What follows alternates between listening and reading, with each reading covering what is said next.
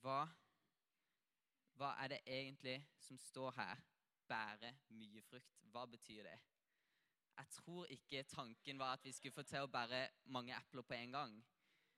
Men seinere i Bibelen så står det om åndens frukter.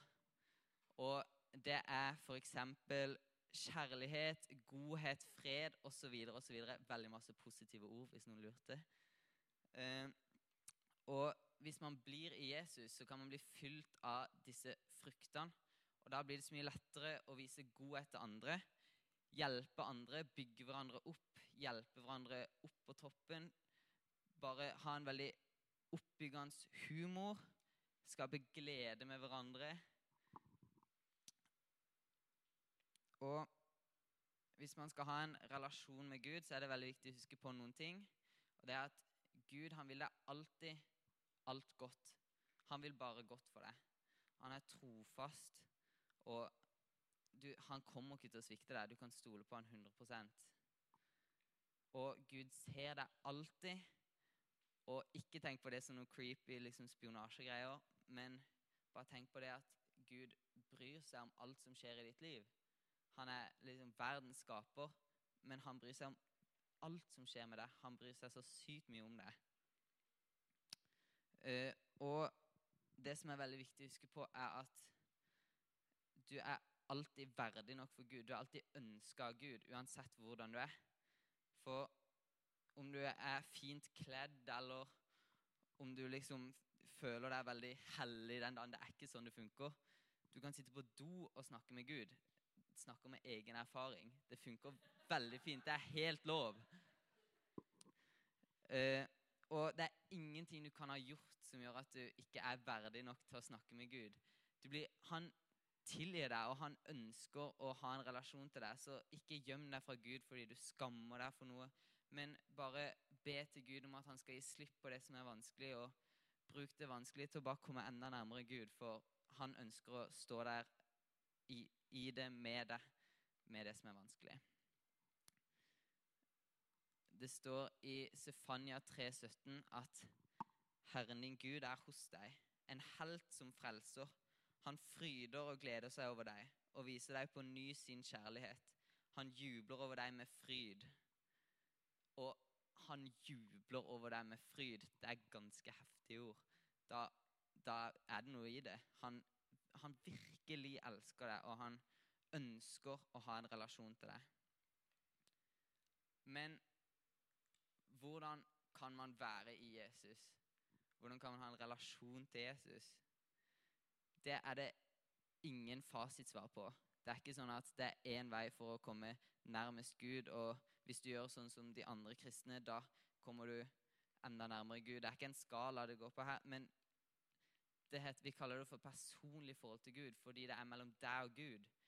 Ditt forhold til Gud er unikt fordi at det er din måte å komme nærmere Gud. Men det er mange måter man kan komme nærmere Gud på.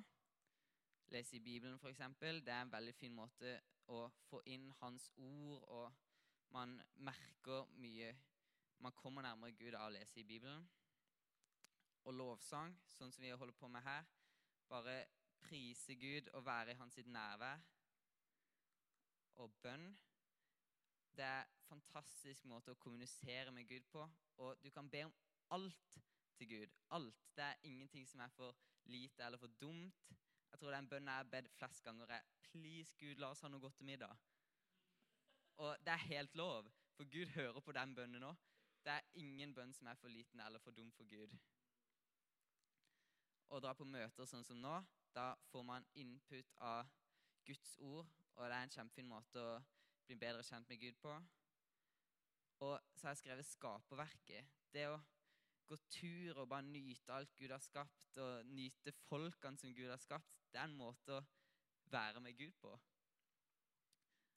Eller noe helt annet. For som sagt så er det helt individuelt hvordan man føler seg nærme Gud, og det er ikke noe fasitsvar. Så det er helt opp til deg hvordan du velger å komme nærmere Gud på. Eh, det står i Bibelen at Jesus brukte tid med Gud. Han satte av tida si på jorda til å gå for seg sjøl og være med Gud. For man trenger en jevnlig input med Gud, rett og slett.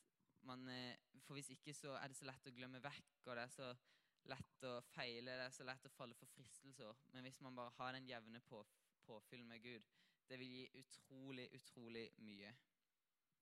Men ikke skam deg for at du ikke f.eks. leser i Bibelen, eller at du har glemt vekk litt Gud i hverdagen. Aldri tenk liksom at 'Å nei, nå kan jeg ikke være kristen fordi jeg får ikke til å lese i Bibelen', eller sånn. For det er ikke sånn Gud vil ha det. Han vil komme og hjelpe deg når du syns det er vanskelig. Så gå heller til han og be om at 'Kjære Gud, jeg har lyst til å være med med deg'. Og da, da kan han møte deg i det, og så kan dere stå i det sammen. Og så tror jeg at Gud sier til dere i kveld at det er bra nok, det du gjør nå. Det er bra nok, men du er alltid velkommen til å være mer i mitt nærvær, for jeg har mer å gi deg. Men det er bra nok. Eh, I Lukas 24 så står det om at Jesus sto opp fra de døde. Og rett etter at han sto opp, så tok han følge med to menn. Og Vi kaller de for Emmaus-vandrerne, for de dro til en by som het Emmaus. Og han brukte tid på å gå med de og prate med de, men han viste ikke at det var han som var der. Så de prata sammen, og disse mennene var så fortvila fordi at de hadde fulgt Jesus mens han gikk rundt og underviste. Og nå var han som de hadde trodd på, og han som de hadde fulgt, han var død. Hva skulle de gjøre med livet sitt nå? Og så gikk Jesus der og snakka med dem og var der for dem. Han forklarte dem at ja, men Jesus måtte dø for våre synder. Så han underviste dem for å la dem skjønne at dette her måtte skje. Eh, men jeg tenker litt sånn da, at jeg skjønner meg ikke helt på Jesus akkurat her. For han har akkurat stått opp.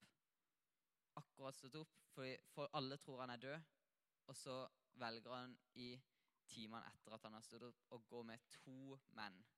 Og bruke lang tid med de og ikke engang vise at det er han.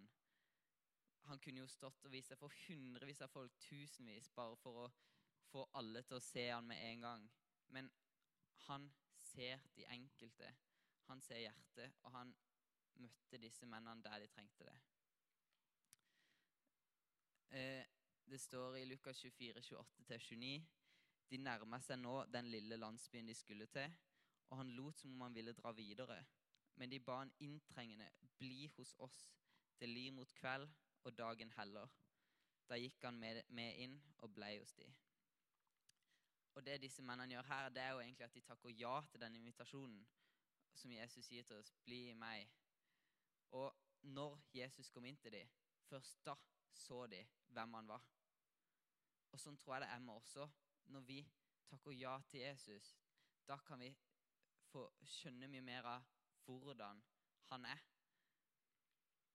Og det sto her at han lot som han ville dra videre. Og det jeg tenker det betyr, er at han trenger seg ikke på. Han er tålmodig, og han venter på en invitasjon fra deg. Um, da kan lovsangsteamet komme opp, og dere kan reise dere.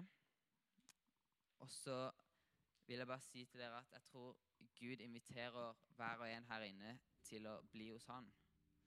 Og han ønsker virkelig en relasjon til dere. Og han sier at det er bra nok som det er. Det er bra nok som det er, men du er invitert til å komme enda mer i mitt nærvær, for jeg har mer å gi deg.